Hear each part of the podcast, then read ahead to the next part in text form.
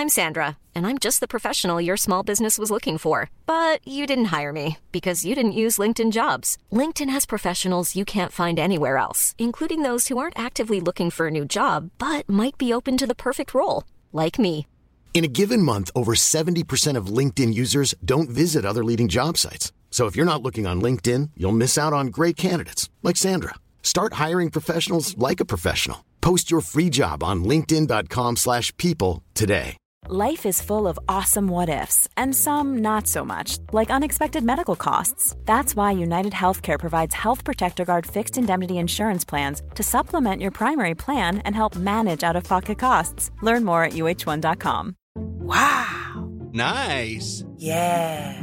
What you're hearing are the sounds of people everywhere putting on Bombas socks, underwear, and t-shirts made from absurdly soft materials that feel like plush clouds. Yeah, that plush. And the best part? For every item you purchase, Bombas donates another to someone facing homelessness. Bombas. Big comfort for everyone. Go to bombas.com slash ACAST and use code ACAST for 20% off your first purchase. That's bombas.com slash ACAST. Code ACAST. Hey, it's Ryan Reynolds, and I'm here with Keith, co star of my upcoming film, If, only in theaters, May 17th. Do you want to tell people the big news? All right, I'll do it. Sign up now and you'll get unlimited for $15 a month in six months of Paramount Plus Essential Plan on us. Mintmobile.com slash switch. Upfront payment of $45 equivalent to $15 per month. Unlimited over 40 gigabytes per month. Face lower speeds. Videos at 480p. Active Mint customers by 531.24 get six months of Paramount Plus Essential Plan. Auto renews after six months. Offer ends May 31st, 2024. Separate Paramount Plus registration required. Terms and conditions apply if rated PG. I'm amazed how many people own stocks. They, they would not be able to tell you why they own it. They couldn't say in a minute or less why they own it. Actually, if you really press them down, they'd say the reason I own this is the sucker's going up. There's enough cash in the financial system, and there's an infinite amount of cash at the Federal Reserve. An infinite amount Put of cash. Put that check in a money market mutual fund. Then we'll reinvest the earnings into foreign currency accounts with compounding interest, and it's gone. So they had to do something. All they had left was just to print money and start buying things. And that's what they did. Quick buck artists come and go with every bull market, but the steady players make it through the bear market. They say money can't buy happiness. Look at the fucking smile on my face. Hej och välkommen till ett nytt avsnitt av Market Makers. Och dessutom kan man ju säga att det är det sista ordinarie avsnittet innan eh, sommarserien drar igång och sen en veckas uppehåll. Är du taggad inför sommarserien Fabian? Ja, jag är så taggad man kan bli. För vi har ju en väldigt aktuell sommarserie. Vi ska ju nämligen prata om recessioner genom tiderna. Ja, precis. Historiska börskrascher kan man kalla det också. Man vill ha lite mer säljande namn på det. Ja. Det blir 1929, 2008 och så vidare. Exakt, och vi försöker ju liksom leta fram saker som folk kanske inte har tänkt på eller vet om. Alla har ju sett Big Short, det kanske inte är superintressant att bara återberätta det som hände i Big Short. Så vi försöker väl ta ett lite annat perspektiv, försöka hitta saker man kan lära sig av varje era så att säga. Ja, men precis. Men den här veckan är som sagt sista ordinarie avsnittet, men det blir inte ett helt ordinarie avsnitt ändå, utan det vi kommer prata om den här veckan är ju egentligen, vi, kommer, vi hade ju presentation förra veckan, en liten föreläsning och event tillsammans med Robomarkets, vår fina huvudsponsor, och de kommer vi, vi kommer egentligen gå igenom den presentationen, vad vi gick igenom där, för de som inte kunde vara med på eventet. Så för de som var där, det blir lite upprepning, men det är lite annan take på det också nu, eller en annan Eh, det blir på ett annat sätt när man kör det i ljudformat förstås, så det blir nog intressant ändå. Och de som inte var där får nu ta del av det materialet. Ja, och vi ska ju prata om någonting som kallas för the great rotation och helt enkelt en ny era eh, inom ekonomin som ingen som i stort sett är aktiv just nu har sett tidigare med ökade räntor, stigande inflation och så vidare. Men som alltid, och speciellt när vi har liksom breda penseldrag som idag, så ska ni komma ihåg att ingen rådgivning eller rekommendation sker i den här podden. Vi berättar bara om vår process och hur vi tänker, gör alltid din egen analys och glöm aldrig att alla investeringar är förknippade med risk. Och den här veckan vill vi lyfta vår sponsor Aktier också. AXYR, vår samarbetspartner som erbjuder forumet för dig som är intresserad av aktier. Och nu finns det ännu mer mumma att ta del av i aktier, både på hemsidan och dess app. Eh, för nu har man ju lanserat mäklarstatistik. Så du kan alltså gå in och titta på mäklarstatistik helt gratis i appen. Eh, väldigt smidigt och väldigt trevligt. Speciellt just när man vill reda ut vem är det som köper och säljer egentligen i marknaden. Ja, så ladda ner aktieappen idag. AXYER. Länkar finns förstås i avsnittbeskrivningen. Vi säger stort tack till Aktier. Förra veckans presentation då, det handlar ju som du säger om the great rotation. Men först och främst tog vi lite avstamp i Howard Marks, en legendarisk investerare som vi i alla fall har dragit väldigt mycket inspiration från. Eh, och vi började lite med hans citat, you can't predict but you can prepare. Alltså du kan inte, för, du kan inte förutspå egentligen vad som kommer hända. Ingen vet ju om marknaden ska upp eller ner, men däremot kan man göra lite gissningar och framförallt kan man förbereda sig för olika scenarion. Och någonting vi gillar med honom är generellt det här synsättet på liksom marknaden och hans syn, på, hans syn på risk som han beskriver väldigt bra i boken The Most Important Thing. Eh, han pratar ju väldigt mycket om risk, inte eh, att man mäter risk som volatilitet som man gör i klassisk finansteori. Alltså hur mycket en aktie svänger avgör inte risken till oss, utan det är ju permanent förlust av kapital som är risken. Att man faktiskt förlorar pengar och att man har fel. Men hans senaste bok, Mastering the Market Cycle, kanske lite mer aktuell för, för det vi pratade om på presentationen. Då det är ju, eh, och vad vi kommer prata om i det här avsnittet. Och det handlar ju mer om cykler. För att, som du sa Fabian här i introt, att det är inte så många som har varit med om de här, stor, de här det här som vi går in i nu kanske med att höjd, högre räntor, högre inflation och så vidare. De flesta har ju bara jobbat eh, eller varit i marknaden under tiden när det har gått ner räntorna och inflationen inte har funnits. Eh, Howard Marks har ju dock varit med under en längre tid så det är väldigt intressant att lära sig honom och han då pratar väldigt mycket om den här boken om eh, tidigare cykler. Vill man dock inte, tycker man inte om böcker av någon anledning, det är väl perfekt nu i och för sig inför sommaren att köpa hem de här två böckerna och läsa hängmattan. Gör man inte det så kan man såklart bara googla på Howard Marks memos så kommer man hitta alla de här äh, memos han skriver, marknadskommentarerna som han lägger ut på eh, deras fonds hemsida. Men varför gillar vi då Howard Marks och varför har vi valt det där citatet? Jo, för Marks är ständigt ödmjuk inför att man inte kan förutspå marknaden. Allt man kan göra sagt är förbereda sig genom att ta kalkylerade bets till låg risk. Och är någonting riktigt billigt värderat så är risken låg. Det är så Marks ser på det i alla fall. Och han förstår också att allt på marknaden rör sig i cykler. Vi pendlar hela tiden mellan hopp och förtvivlan, hög och låg riskvilja och det är det som genererar möjligheter för den som är intresserad. Och det är ett annat klassiskt citat, eh, Mark Twain, som lyder “Historien upprepas inte, men den rimmar”. Eh, och det här gäller faktiskt också för varje bullmarket. Varje bullmarket är unikt hur den uppstår, eh, vad som är de drivande faktorerna, vilka är de ledande aktierna. Men det finns också saker som är gemensamma, till exempel hur investerare liksom, ja, men, släpper på riskmedvetenheten, man väljer att blunda för tänkbara orosmål, man kan köpa saker för högre multiplar än man tidigare hade accepterat. Och det här är lite intressant, här skriver faktiskt Mark om i sin senaste marknadskommentar att det finns lite olika definitioner på vad en bull bear market är egentligen. Ofta pratar man om den här 20%-gränsen. Alltså en bull market är en marknad som har stigit 20% och en bear market är en marknad som har fallit 20%. Men det är ju helt ointressant hur många procent börsen har rört sig. Eh, det är inte liksom siffror i ett marknad utan ett psykologiskt tillstånd och det får man ju hålla med om. Det spelar ingen roll om marknaden stigit 19,9% eller 20,1%. Är det en bullmarknad så märker man det på euforin. Och precis det motsatta, är det en bear market, ja då känner man ju det på att det är liksom, det gör ont i magen på de flesta. Men det är också en del av spelet. Vi är ju nog i en bear market just nu, eller vi är ja, även definitionsmässigt. Ja, och det gör definitivt ont i magen på många investerare idag, så även det styrker det. Men nedgångar är en naturlig del i börscykeln, någonting man helt enkelt får lära sig att hantera om man har för avsikt att fortsätta spela spelet. Eh, och här säger ju Charlie Munger att if you can't stomach 50% declines in your investment you will get the mediocre returns you deserve. Det vill säga, om du inte klarar av de här nedgångarna ibland på 50% eller mer, ja då kommer du också få medi medioker avkastning. För det är så, det är de här perioderna kommer och går hela tiden och det är då eh, investerare slängs ut som inte pallar med trycket. Men för varje nedgång blir det ju lättare att uthärda. Det är i alla fall min erfarenhet. Och till slut eh, slutar man bry sig helt egentligen. Det blir bara siffror på en skärm. Och, och givetvis är det supertrist om man är ny på börsen. Man har precis kommit in och då vänder det ner.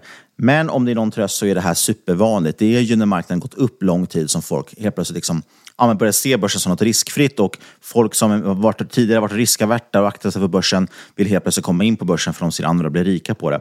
Så att det är liksom det är inte så konstigt. Det är, chansen för nedgång är förstås störst när det har gått upp ett tag. Och om det är en sak som är säker så är det att alla investerare gör fel, de har otur och ibland kanske till och med blir lurade. Alla investerare kommer gå på nitar. Det är liksom inga konstigheter. Ingen förutom bedragare har 100% hitrate. Eh, och det som skiljer däremot de framgångsrika investerarna och traders från de som inte är det är enligt oss de som lägger stor vikt vid riskhantering. Man har till exempel aldrig så stora bets att man riskerar att få kontot wipat om man har fel.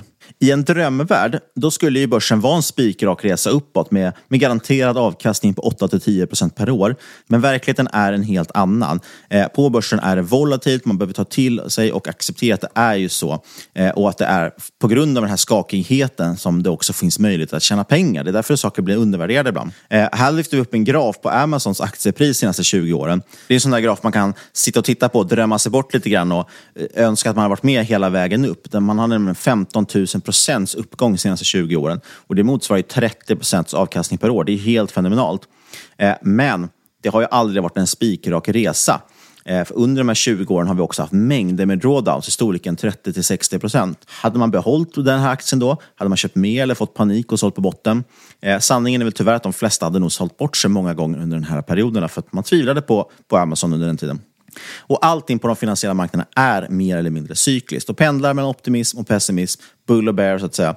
Eh, och det beror helt på att marknaden styrs av just den mänskliga psykologin. Ja, så marknaden är cyklisk och vi hävdar att vi just nu befinner oss mitt i skiftet mellan två delar av cykeln. Från goda tider till lite sämre tider. Varje svängning i cykeln tar dock tid. När man tittar i backspegeln ser allt väldigt tydligt och väldigt enkelt ut. Och det är precis som i fallet med Amazons aktieutveckling. Men i verkligheten tar saker tid på sig. Under den period då vi rör oss från en extrem till en annan så präglas marknaden av mycket osäkerheter och framförallt dåliga beslut. Ofta är det någon enskild händelse eller ny innovation som i efterhand tillskrivs som anledningen till att börsen vände. Men det är egentligen en alldeles för grov förenkling. I verkligheten byggs saker upp i bakgrunden långsamt. När alla pjäser sedan är riggade behövs det bara något som ger en liten knuff för att få brickorna att falla. Kriget i Ukraina är ett klockrent exempel. Politiker och eh, andra skyller inflation och annat på kriget. The Putin price hike har vi alla hört från till exempel Bidens administration. Men det här är egentligen rätt oärligt. De flesta av de här problemen vi har nu är inte nya. De har funnits där i bakgrunden ett tag, men de accelererades av kriget och framförallt så fick kriget många att börja ta in verkligheten. Och det är just det vi menar med att börsen ibland bara behöver en liten knuff i en ny riktning för att allt ska svänga. Alla vet, eller borde i alla fall veta, att om du har haft en parabolisk uppgång, likt det vi sett senaste åren, så brukar den följas av en nedgång på 20-50% innan nästa bullmarknad. Ändå är det ofta folk blir chockade över att marknaden kan gå ner och Eh, de förstår inte riktigt hur det gick till. Samma mekanik ser vi såklart bakom varje bull market. Men istället för en enskild distinkt händelse, likt ett krig eller en pandemi, så brukar en bull market istället ta avstamp i till exempel en ny teknik eller en ny innovation eller någonting som förändras och kanske förändrar världen i grunden. Det är då man brukar höra de magiska orden “this time is different”. Det är de fyra farligaste orden inom investering enligt John Templeton. För på toppen brukar man kunna använda den här retoriken för att försvara precis vilka värderingar som helst och man förbiser rätt många risker. Och just det här med börsens cyklikalitet är centralt och det är lite det vi ska fokusera på i dagens avsnitt eftersom vi anser att vi befinner oss mitt i ett sånt här stort skifte mellan två olika eror eller regimer.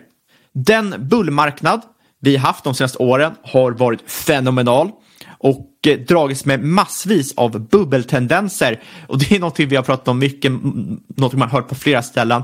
The everything bubble.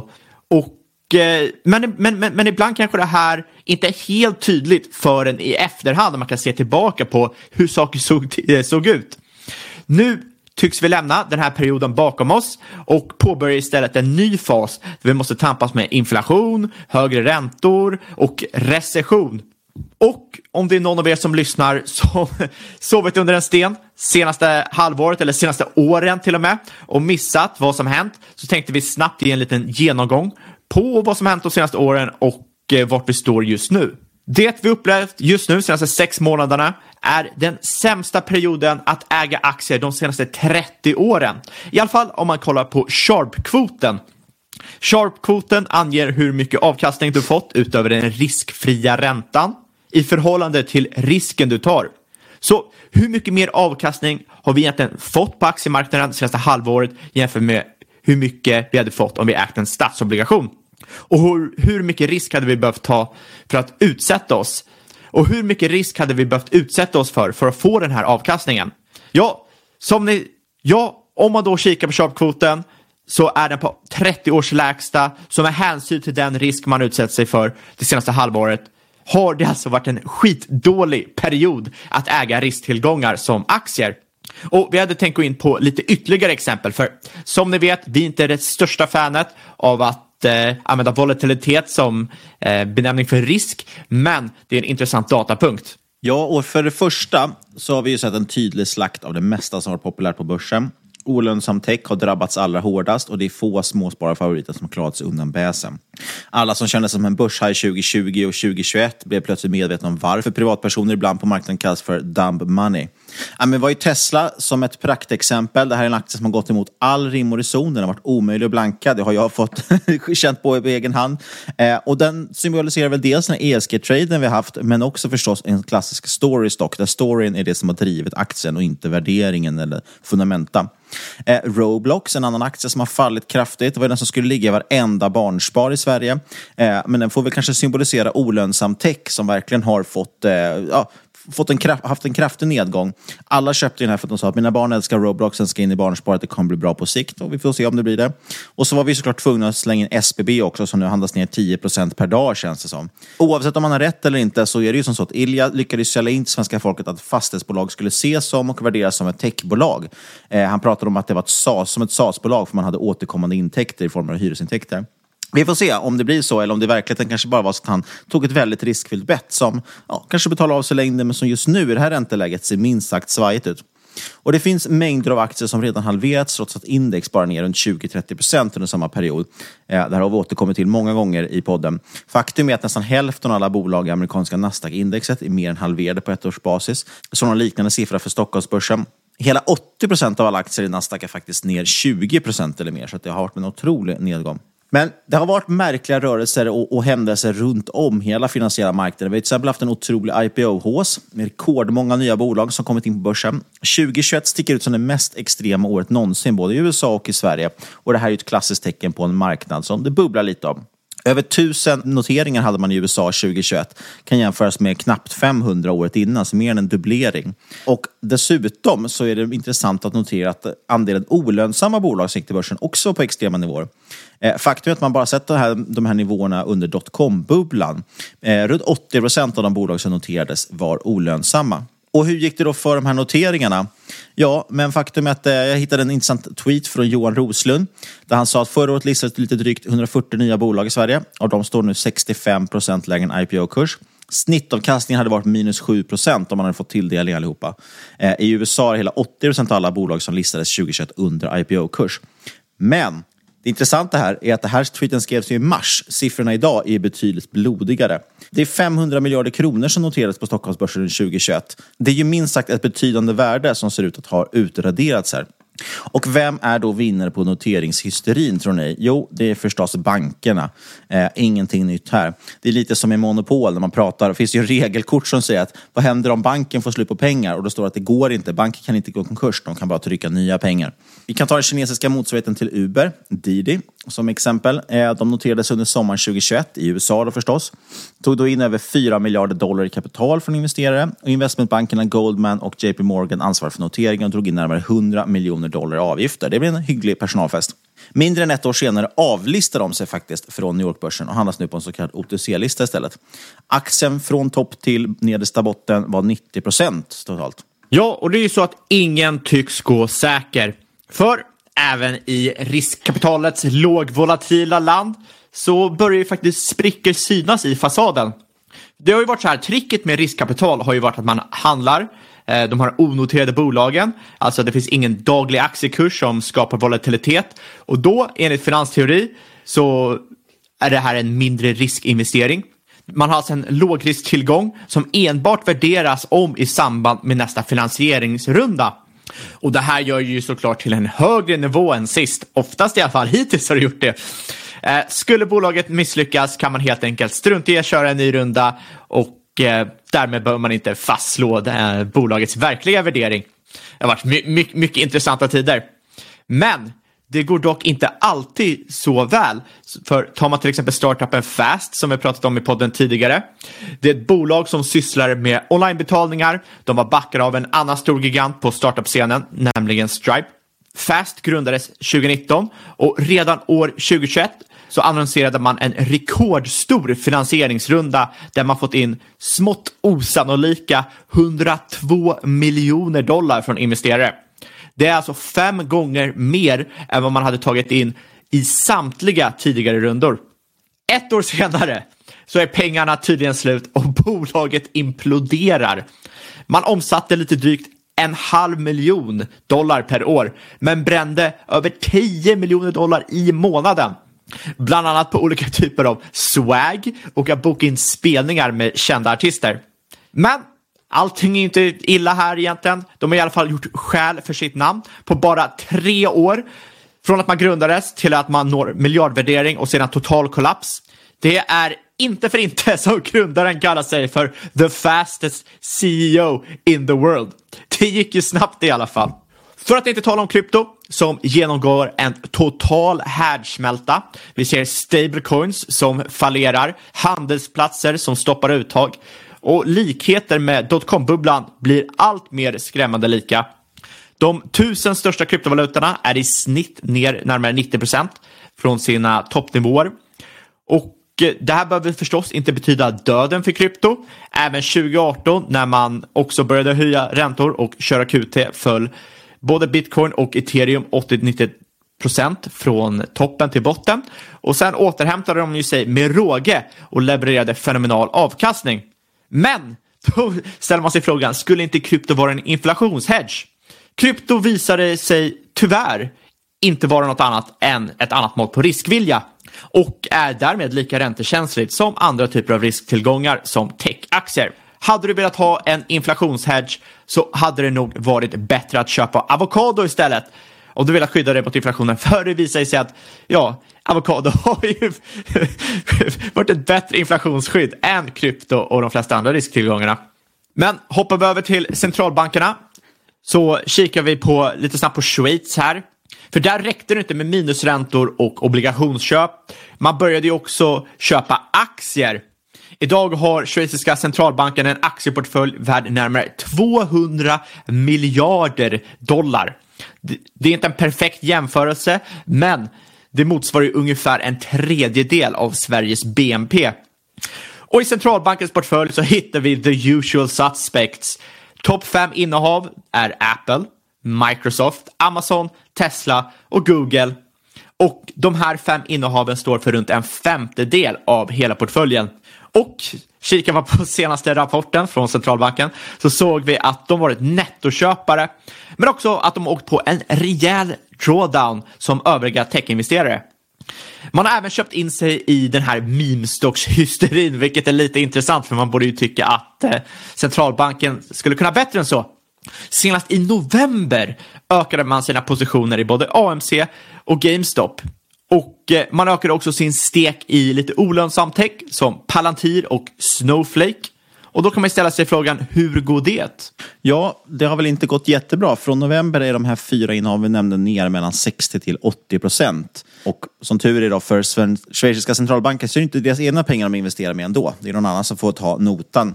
Det såg vi faktiskt här också, bara några dagar innan vi höll presentationen kom det ytterligare en rapport om hur de har handlat nu under eh, här senaste kvartalet. Och de har ju fortsatt öka i flera av de här positionerna faktiskt. Perfekt! Och apropå meme stocks, det var väl också en stor händelse de senaste åren. Eh, det var ju verkligen ett galet experiment vi genomförde under coronapandemin. I USA satte man människor i karantän, skickade sedan ut stimulanscheckar i brevlådan.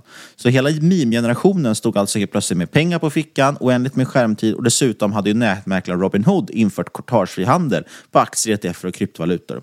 Människor flockade in till Reddit-forumen Wall Street Bets eh, och tävlade i vem som kunde ta mest risk. Man lärde sig handla med optioner och medan de flesta sprängde kontot ganska omgående så lyckades faktiskt några dra vinstlotten och kunde förvandla några tusenlappar till miljoner på en enda placering.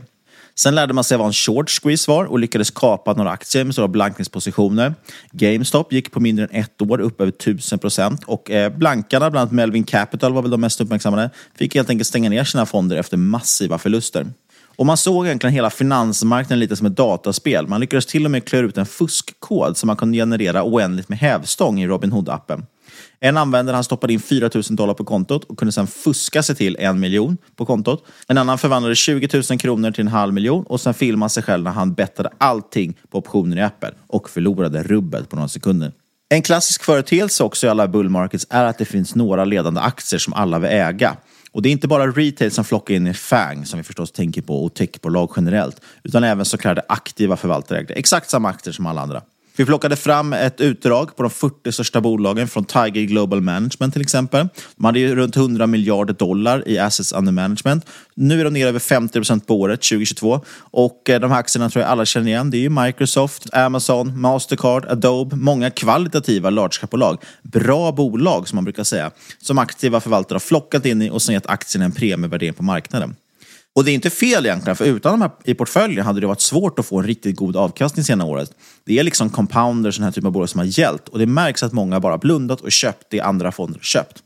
Och varför då? Jo, man brukar säga att no one gets fired for buying IBM. Alltså går in och köper ett bra kvalitativt bolag, ja, det är aldrig någon som kommer i alla fall ifrågasätta varför det gjort som det har gjort. För det är just, alla ser att det är ett vettigt beslut. Och i en deflatorisk värld har man kunnat betala nästan vilket pris som helst för tillväxt. Men det är frågan om man kan det i en inflatorisk värld. Och det är det som leder in oss på det här vi pratar om med the great rotation. För vi har haft år av låg ränta och det har premierat så kallade long duration assets, alltså i tillgångar där kassaflödena är förskjutna långt in i framtiden eftersom de enligt modellerna blir lika mycket värda i princip som dagens kassaflöden. Marknaden har därför fokuserat på tillväxt framför lönsamhet och framförallt har narrativet styrt, alltså vi har haft en story bakom varje aktie snarare än en värdering. Men allt eftersom inflationen ökar så förlorar också marknaden tålamodet för olönsamma tillväxtbolag. Och det här då, the great rotation, kommer vi nu se en rotation från högvärderade olönsamma bolag till lågvärderade lönsamma bolag. Ja, vi har sett en början på det och vi misstänker att det kan fortsätta hålla sig på det sättet. Och då kommer någon förstås invända här och säga att men fangbolagen är ju billiga nu. Nu har ju börsen gått ner, nu ser de ju billiga ut. Ja, men är börsen verkligen billig eller spelar cykeln oss ett spratt? För mycket ser billigt ut just nu, det håller vi med om, men det är på historiska siffror. Det är ju alltid så att aktier ser som billigast ut när vi är på väg in i en recession till exempel. Och det är helt enkelt för då har aktiepriserna börjat falla, börsen är framåtblickande, men vinsterna har inte hunnit gå ner. Börsen är sagt framåtblickande, så aktiepriserna har ju gått ner just för att man tror att vinsterna också kommer sjunka. Och då kommer vi stå kvar på samma gamla höga värderingar som tidigare. Ta Facebook då, som är, är väl det av, den av FANG-aktierna som är absolut billigast. P 15 just nu. Det hade varit otroligt lockande för ett par år sedan. Men om annonseringen nu minskar på grund av lågkonjunktur, då kommer ju inte vinsten ligga kvar på dagens nivå. Och Amazon, om vi tar dem som exempel, deras vinst bygger i princip uteslutande på de här molntjänsterna. Om alla liksom molntunga startups nu går i konken, minskar inte efterfrågan då på de här tjänsterna?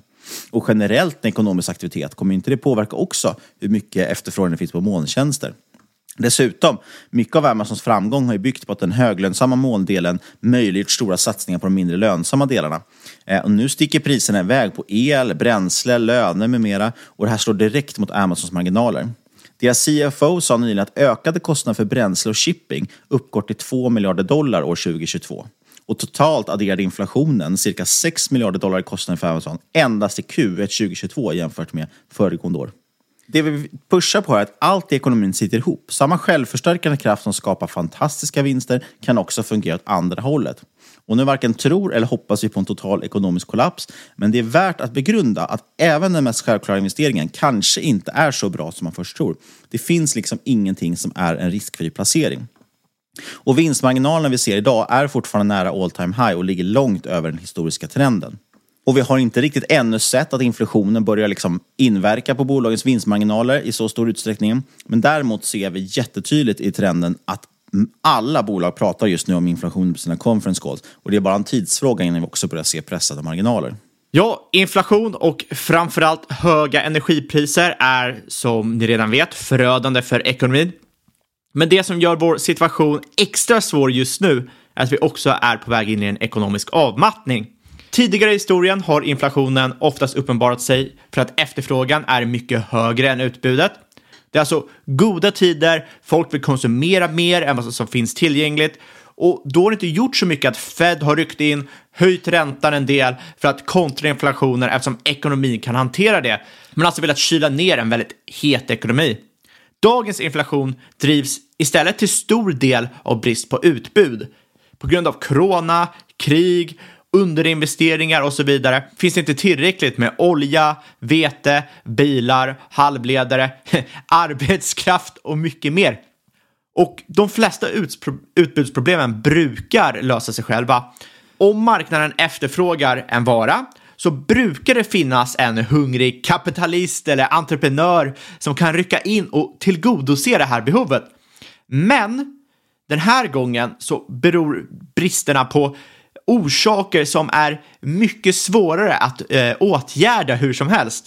Först och främst så har vi låtit koncentrera produktion av många kritiska varor till enskilda länder som till exempel Kina.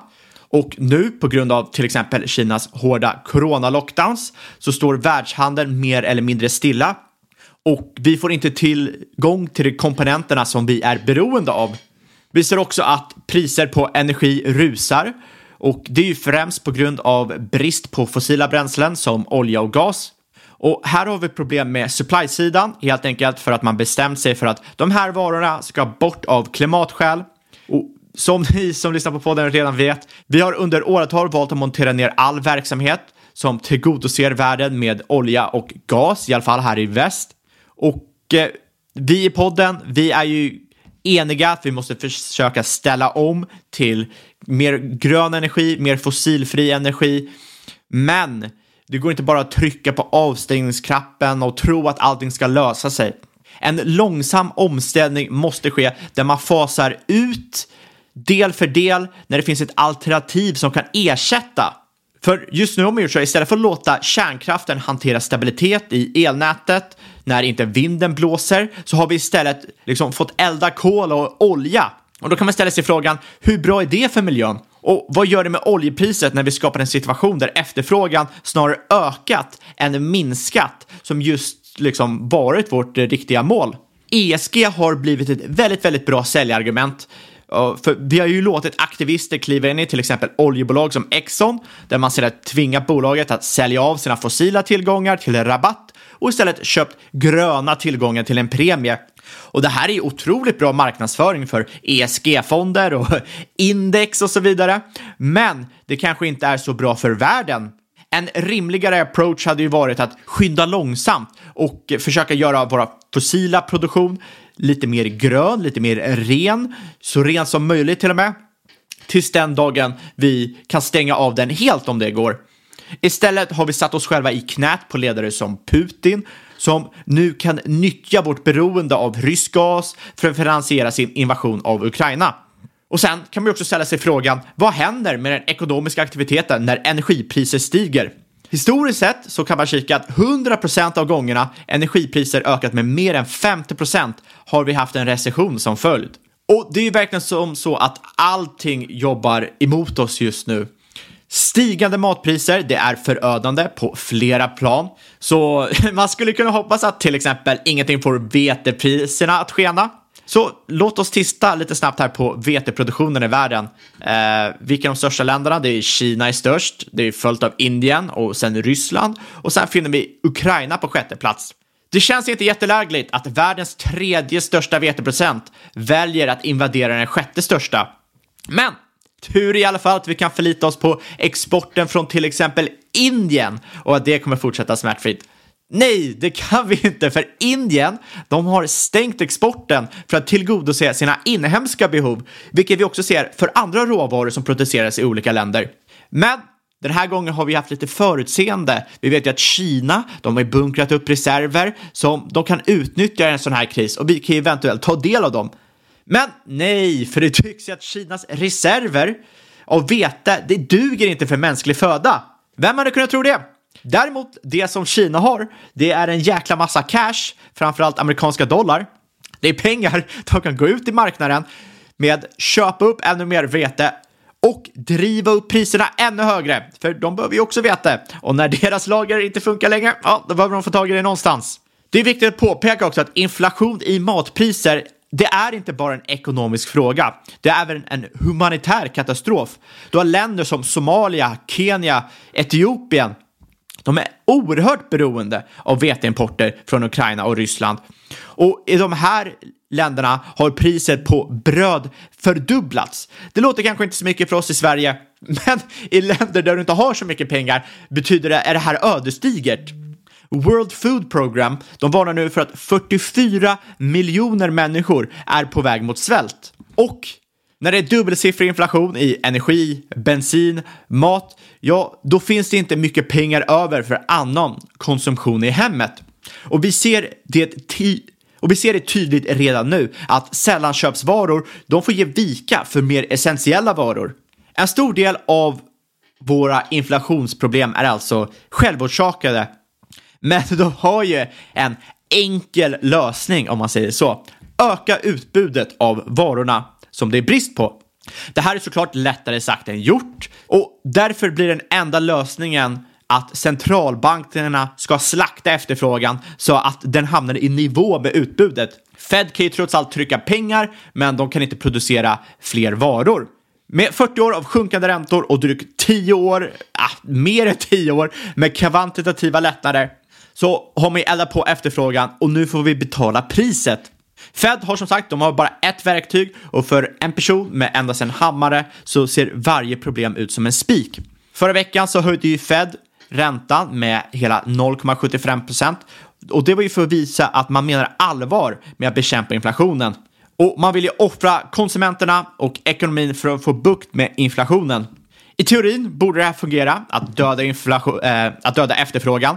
Men hur mycket kan råvarupriser verkligen komma ned? Det är egentligen den stora frågan här.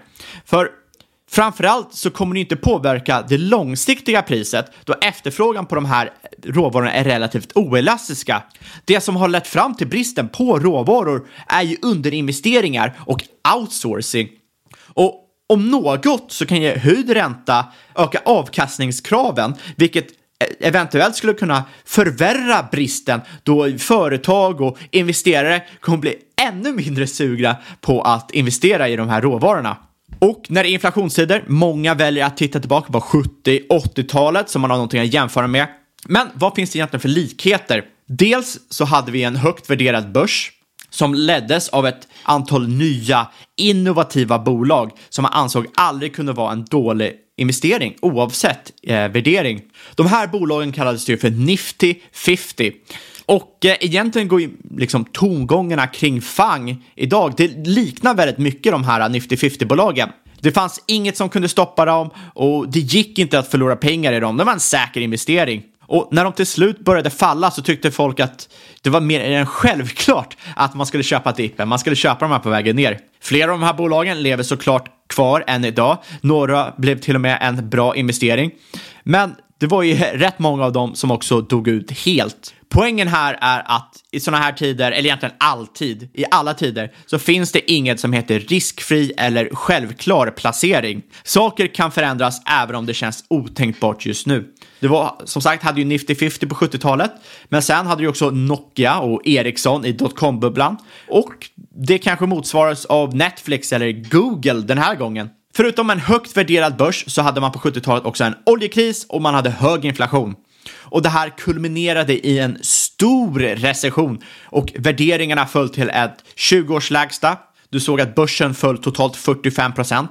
De här Nifty 50-bolagen, de föll hela 70 till 90 procent och det tog Dow Jones över nio år att återhämta sig. Ja, och när man då kollar tillbaka på 70 80-talet så frågar sig alla förstås, vad hände då för att stoppa inflationen? Och framförallt, vad gjorde man för någonting? Och de senaste sex månaderna har ju för detta Fed-chefen Paul Volcker nästan blivit ett household name.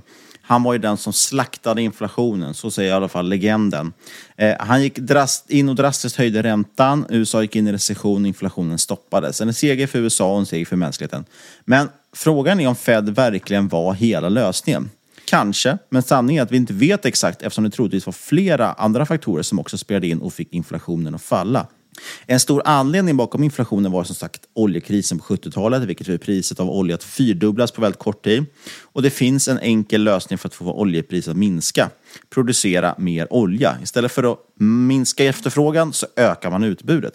USA de gjorde faktiskt ett antal regleringar som gjorde att oljepriset kollapsade eftersom företag började producera mer olja, vilket ledde till överproduktion och därmed minskade priser. Dessutom, utöver det, satte man upp incitamentsprogram för företagande och investeringar. Man avreglerade järnvägs-, och flyg och transportindustrin, vilket ökade priskonkurrensen. Man eh, man hade den hittills största generationen någonsin, alltså baby boomers, som kom in i arbetslivet, vilket drog ner lönerna då också när man fick ett överutbud på arbetskraft. Och det här är bara ett urval av saker som skedde i samband med att Volcker tokhöjde räntan, men som då också hjälpte till, till att sänka inflationen. Så det är inte rimligt att tro att Fed ska lösa problemet själva idag, utan de kommer behöva hjälp från annat håll också. Och just det här med problemet med för höga oljepriser, det har vi sett flera gånger. Vi såg det också i millennieskiftet, eh, då vi hade dotcom-bubblan. Mellan mitten på 80-talet till början på 2000-talet låg det inflationsjusterade priser på ett fat råolja för det mesta under 25 dollar faten. Men ett antal faktorer drev upp det här priset så att det faktiskt i juli 2008 var över 140 dollar fatet och sen fick vi finanskrisen. Och vad var de här faktorerna som drev upp oljepriset? Jo, det handlar återigen om utbud och efterfrågan. Det var ökade spänningar i Mellanöstern. Ni minns ju 9-11 till exempel 2001. Eh, det här gjorde att vi fick ett minskat utbud och framförallt risk för ett minskat utbud. Sen hade vi enormt ökad efterfrågan från till exempel Kina vars ekonomiska aktivitet fullständigt exploderade uppåt. Och givetvis hade vi också snackisen om peak oil om ni minns det. På den tiden ville vi fortfarande ha olja och då oroade man sig därför väldigt mycket över att oljan skulle ta slut. Och peak oil handlade helt enkelt om tidpunkten då utvinningen av olja skulle toppa för att sen bara minska. Tills vi sen helt tar slut på olja. Och skulle vi få brist på olja, ja då stiger förstås också priset på olja. Exakt det vi ser nu. Fast bristen nu beror ju knappast på att det inte finns mer olja, utan att man av miljöskäl systematiskt monterat ner verksamheter som sysslar med att just utvinna oljan. 2008 dock, eh, som sagt, då toppade oljepriset. Sen föll det kraftigt igen, tack vare, om man nu ska säga så, finanskrisen. Det minskade ju kraftigt den ekonomiska aktiviteten och därmed efterfrågan på energi och olja. Faktum var att under 2008 minskade efterfrågan på olja i samma volym som nästan 6% av total amerikansk konsumtion. Det är en historisk siffra. Och någonstans är det här man nu försöker skapa från Feds Genom att kraftigt höja räntorna så ska man då sänka efterfrågesidan i ekonomin. Men det ska tilläggas att oljepriserna återhämtade sig efter finanskrisen, för efterfrågan kom ju tillbaka sen till slut när ekonomin återhämtade sig. Vi kan se tydligt i, i oljepriset att det låg runt 100 dollar fat under en lång period därefter. Det som slutligen faktiskt räddade världen från permanent höga oljepriser, det var framförallt shale-revolutionen i USA. När man då väldigt tydligt ser att när produktionen från USA kraftigt ökar, ja då minskar också priset på olja kraftigt. Så det som kanske räddar oss från en permanent platå av höga oljepriser var ju ökad utvinning av olja. Så vi ökade utbudssidan återigen. Betänk då idag att vi som sagt jobbar mot minskad utvinning istället. Vad gör det för oljepriserna? Så även om man liksom drar ner efterfrågan så kommer fortfarande utbudet vara begränsat. Om vi hoppar tillbaka till jämförelsen med 70-talet, en annan oroväckande skillnad var ju förstås det här med demografin som har en enormt kraftig påverkan på inflationen. Eh, på den tiden så hade vi majoriteten av människor som levde då, alltså baby boomers, kom in i arbetslivet, så man hade ett ökat utbud av arbetskraft, vilket drog ner reallönerna. Idag är demografikurvan betydligt plattare och liksom jämntjock, eller vad man ska säga när man ser på den. Helt enkelt har vi mycket jämnare fördelning. Vi har inte alls så många ute i arbetslivet jämfört med till exempel antal barn, eh, men också att vi lever mycket längre gör att vi har mycket fler pensionärer. Och här kan man återigen koppla det lite faktiskt till miljörörelsen där det nu börjar också gå tankar om att man vill kanske skaffa mindre barn av miljöskäl, vilket gör, leder till att vi kommer få ännu färre i, i arbetsför ålder. Och här kan man väl ställa sig frågan, är inflation ESG då? För när man pratar om ESG då fokuserar man väldigt mycket på det här E, alltså environmental governance, miljötänk på svenska. Men vi har ju faktiskt två bokstäver till. Vi har social and corporate governance också. Man skulle kanske lite raljerande argumentera att inflationen inte är ESG eftersom det i slutändan leder till fattigdom och svält när matpriser till exempel skenar. Och det är inte första gången vi har sett ett sånt här skifte eh, i vad som är ESG synen på vapentillverkare, den skiftade ju bort fort efter Rysslands invasion av Ukraina.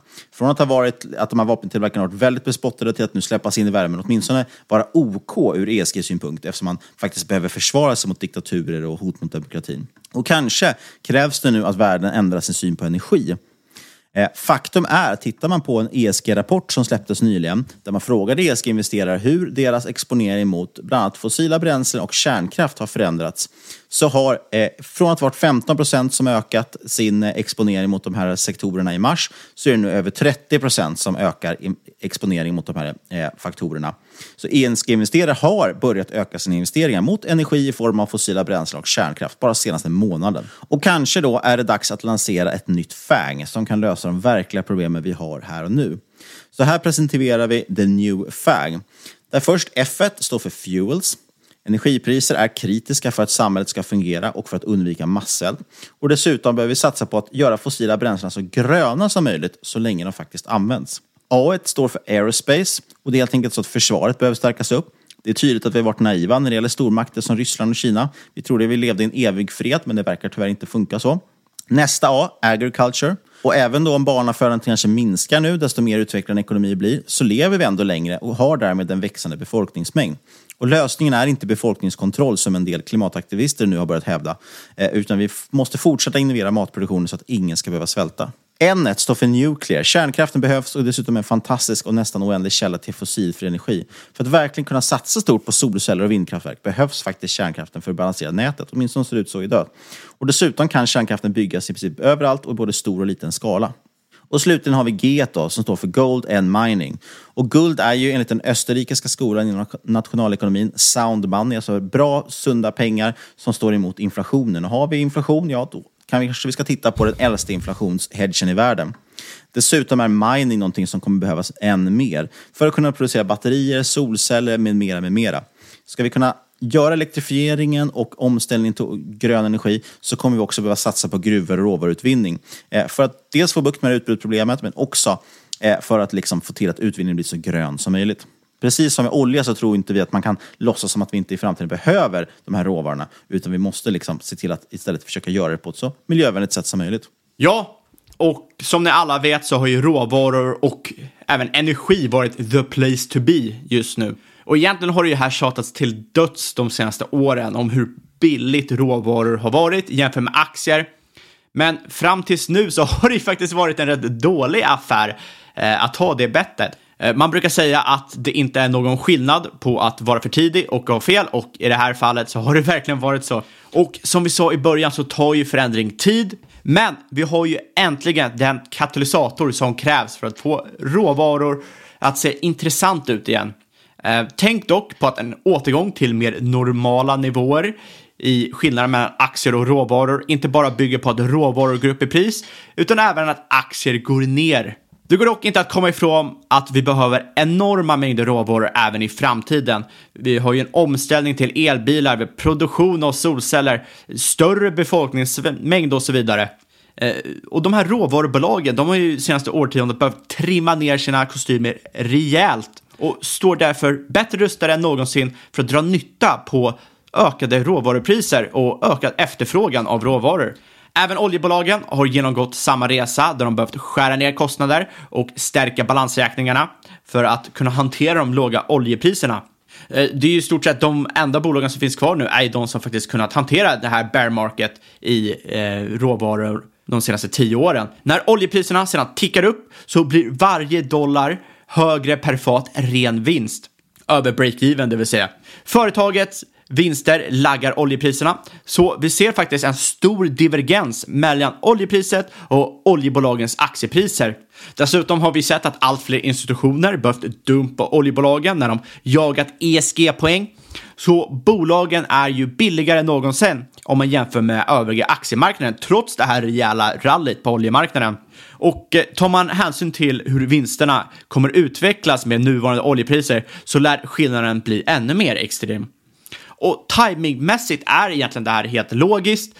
Eh, kikar man historiskt så har energisektorn överavkastat den övriga marknaden i slutet på varenda konjunkturcykel sedan 60-talet. Men det man ska tänka mest på, det som troligtvis är det absolut största trendskiftet här, är ju kopplat till ränteläget. Vi har haft 40 år med stadigt sjunkande räntor. Varje kris har kunnat avvärjts med sänkta räntor och när vi nådde nollränta, ja, då introducerades såklart minusränta och så har vi även sett kvantitativa lättnader. Den här gången finns inte det utrymmet. Istället måste vi börja höja räntorna rakt in i krisen och liksom det är raka motsatsen till det vi gjort tidigare. Något man måste vara tydlig med här är att vi kanske inte direkt tror på att vi kommer få skenande räntor, att vi kommer återgå till historiska räntor på 10-15 procent. Nej, mer troligt är kanske att man behöver höja upp räntan kraftigt för att bromsa inflationen och sedan kanske skära ner den igen för att starta igång ekonomin. Det är i alla fall den räntebanan Fed har lagt fram och många andra centralbanker följer ju Fed. Så man kanske inte direkt ska positionera sig för en 10% i ränta, utan istället fokusera på att vi nu inte längre kommer att ha en stadigt sjunkande ränta. Man kanske kommer se en normalränta runt 2, 3, 4% framåt som man har liksom trott senaste årtionden när man pratar om normaliserad ränta. I alla fall som sagt, don't fight the Fed. Det har ju varit mantrat som styrt eh, ekonomin under lång tid, i alla fall börsen under lång tid. Eh, om Fed stimulerar så är det bara att hoppa på tåget och åka med. Men det här måste ju även gälla åt andra hållet. Stramar man åt penningpolitiken förändras förutsättningarna för företagen. För det har ju varit så, man har ju haft en närmast outtömlig tillgång på billigt kapital och det har ju gjort att vi har sett värderingar vi tidigt bara kunnat drömma om Eh, och det är ju liksom helt snedvridit incitament för bolag. Istället för att fokusera på att ta in kapital och höja bolagets värdering till enhörningsstatus, det vill säga att de är värderade till över en miljard dollar, så kanske det nu blir mer fokus på att kavla upp ärmarna och faktiskt kunna leverera kassaflöden. Investerare skiftar nu fokus till företag med starka kassaflöden och som inte är beroende av externt kapital. Man vill hellre ha en trogen arbetshäst än en magisk enhörning. Och eh, vi ser ju redan nu hur VC-firmorna har börjat dra åt eh, svångremmen och Eh, bolagen är snabba på att anpassa sig efter den nya verkligheten och svarar genom att kapa kostnader i rask takt. Och i längden är det här väl bara positivt. Vi har en enorm brist på komponentpersonal och det kanske beror på de här välfinansierade startupsen och välfinansierade techbolag som suger åt sig mycket kompetent eh, personal och mycket människor. Nu frigörs massvis med duktiga människor som kommer gå vidare och göra stor nytta på andra företagare, kanske till och med starta egna bolag. Det är viktigt att fokusera på här att världen inte kommer gå under den här gången heller. Men man kommer nog att behöva arbeta för sin inkomst, inte bara leva på investerares goda vilja som man har kunnat se de senaste tio åren. Men liksom om man tänker efter kanske det här är en sundare värld egentligen. För precis som vi sa i eh, början av avsnittet så är allting cykliskt. Vi går in i en ny del av historien nu och vi kan ju dra lärdomar av det vi just upplevt. Vi kanske har varit lite för naiva i många frågor. Eh, vi trodde alla att alla på den här planeten vill ha fred. Vi trodde att vi bara kunde stänga av fossila bränslen utan att något skulle gå sönder. Eh, vi gjorde oss beroende av att outsourca precis allting. Och nu har vi sett bristerna i det här systemet och vi kan ju faktiskt bygga upp något ännu starkare i framtiden. Den nya världen kanske inte är lika effektiv som den varit nu, men den kommer utan tvekan vara mer anti-fragile som Taleb brukar säga. Man kommer alltså ha mindre risk för brister och framförallt mindre risk för kaos. Och framförallt kommer vi tvingas tänka om vilket ju brukar leda till nya genombrott och innovationer som kanske föder nästa stora bullmarknad. Vi på Market Makers är i alla fall hoppfulla. Ja, hoppas ni gillade den här presentationen, även om ni inte fick ta del av alla de smaskiga graferna. Vi får se om vi kan försöka lägga ut dem på något sätt också kanske. Oavsett så ska det här inte ses som rådgivning som vanligt. Det vet ni om. Alla åsikter vad gäller gäster och eventuella sponsorer tar inte ansvar för det som sägs i podden. Tänk på att alla investeringar är förknippade med risk och sker under eget ansvar. Vi vill rikta ett stort tack dels till Robomarket, vår huvudsponsor som höll i det här eventet, men vi vill också rikta ett stort tack till aktier som ni ska kika in. Eh, nu har de som sagt mäklarstatistik också för alla aktier i appen, vilket är väldigt trevligt. Kontakta oss gärna på podcast at marketmakers.se eller på Twitter at marketmakerspod och på aktier at marketmakerspod och lämna en recension på iTunes. Och sist men absolut inte minst, vad vill vi göra då Niklas? Då vill vi säga stort tack för att du lyssnat kära lyssnare. Vi hörs igen om en vecka.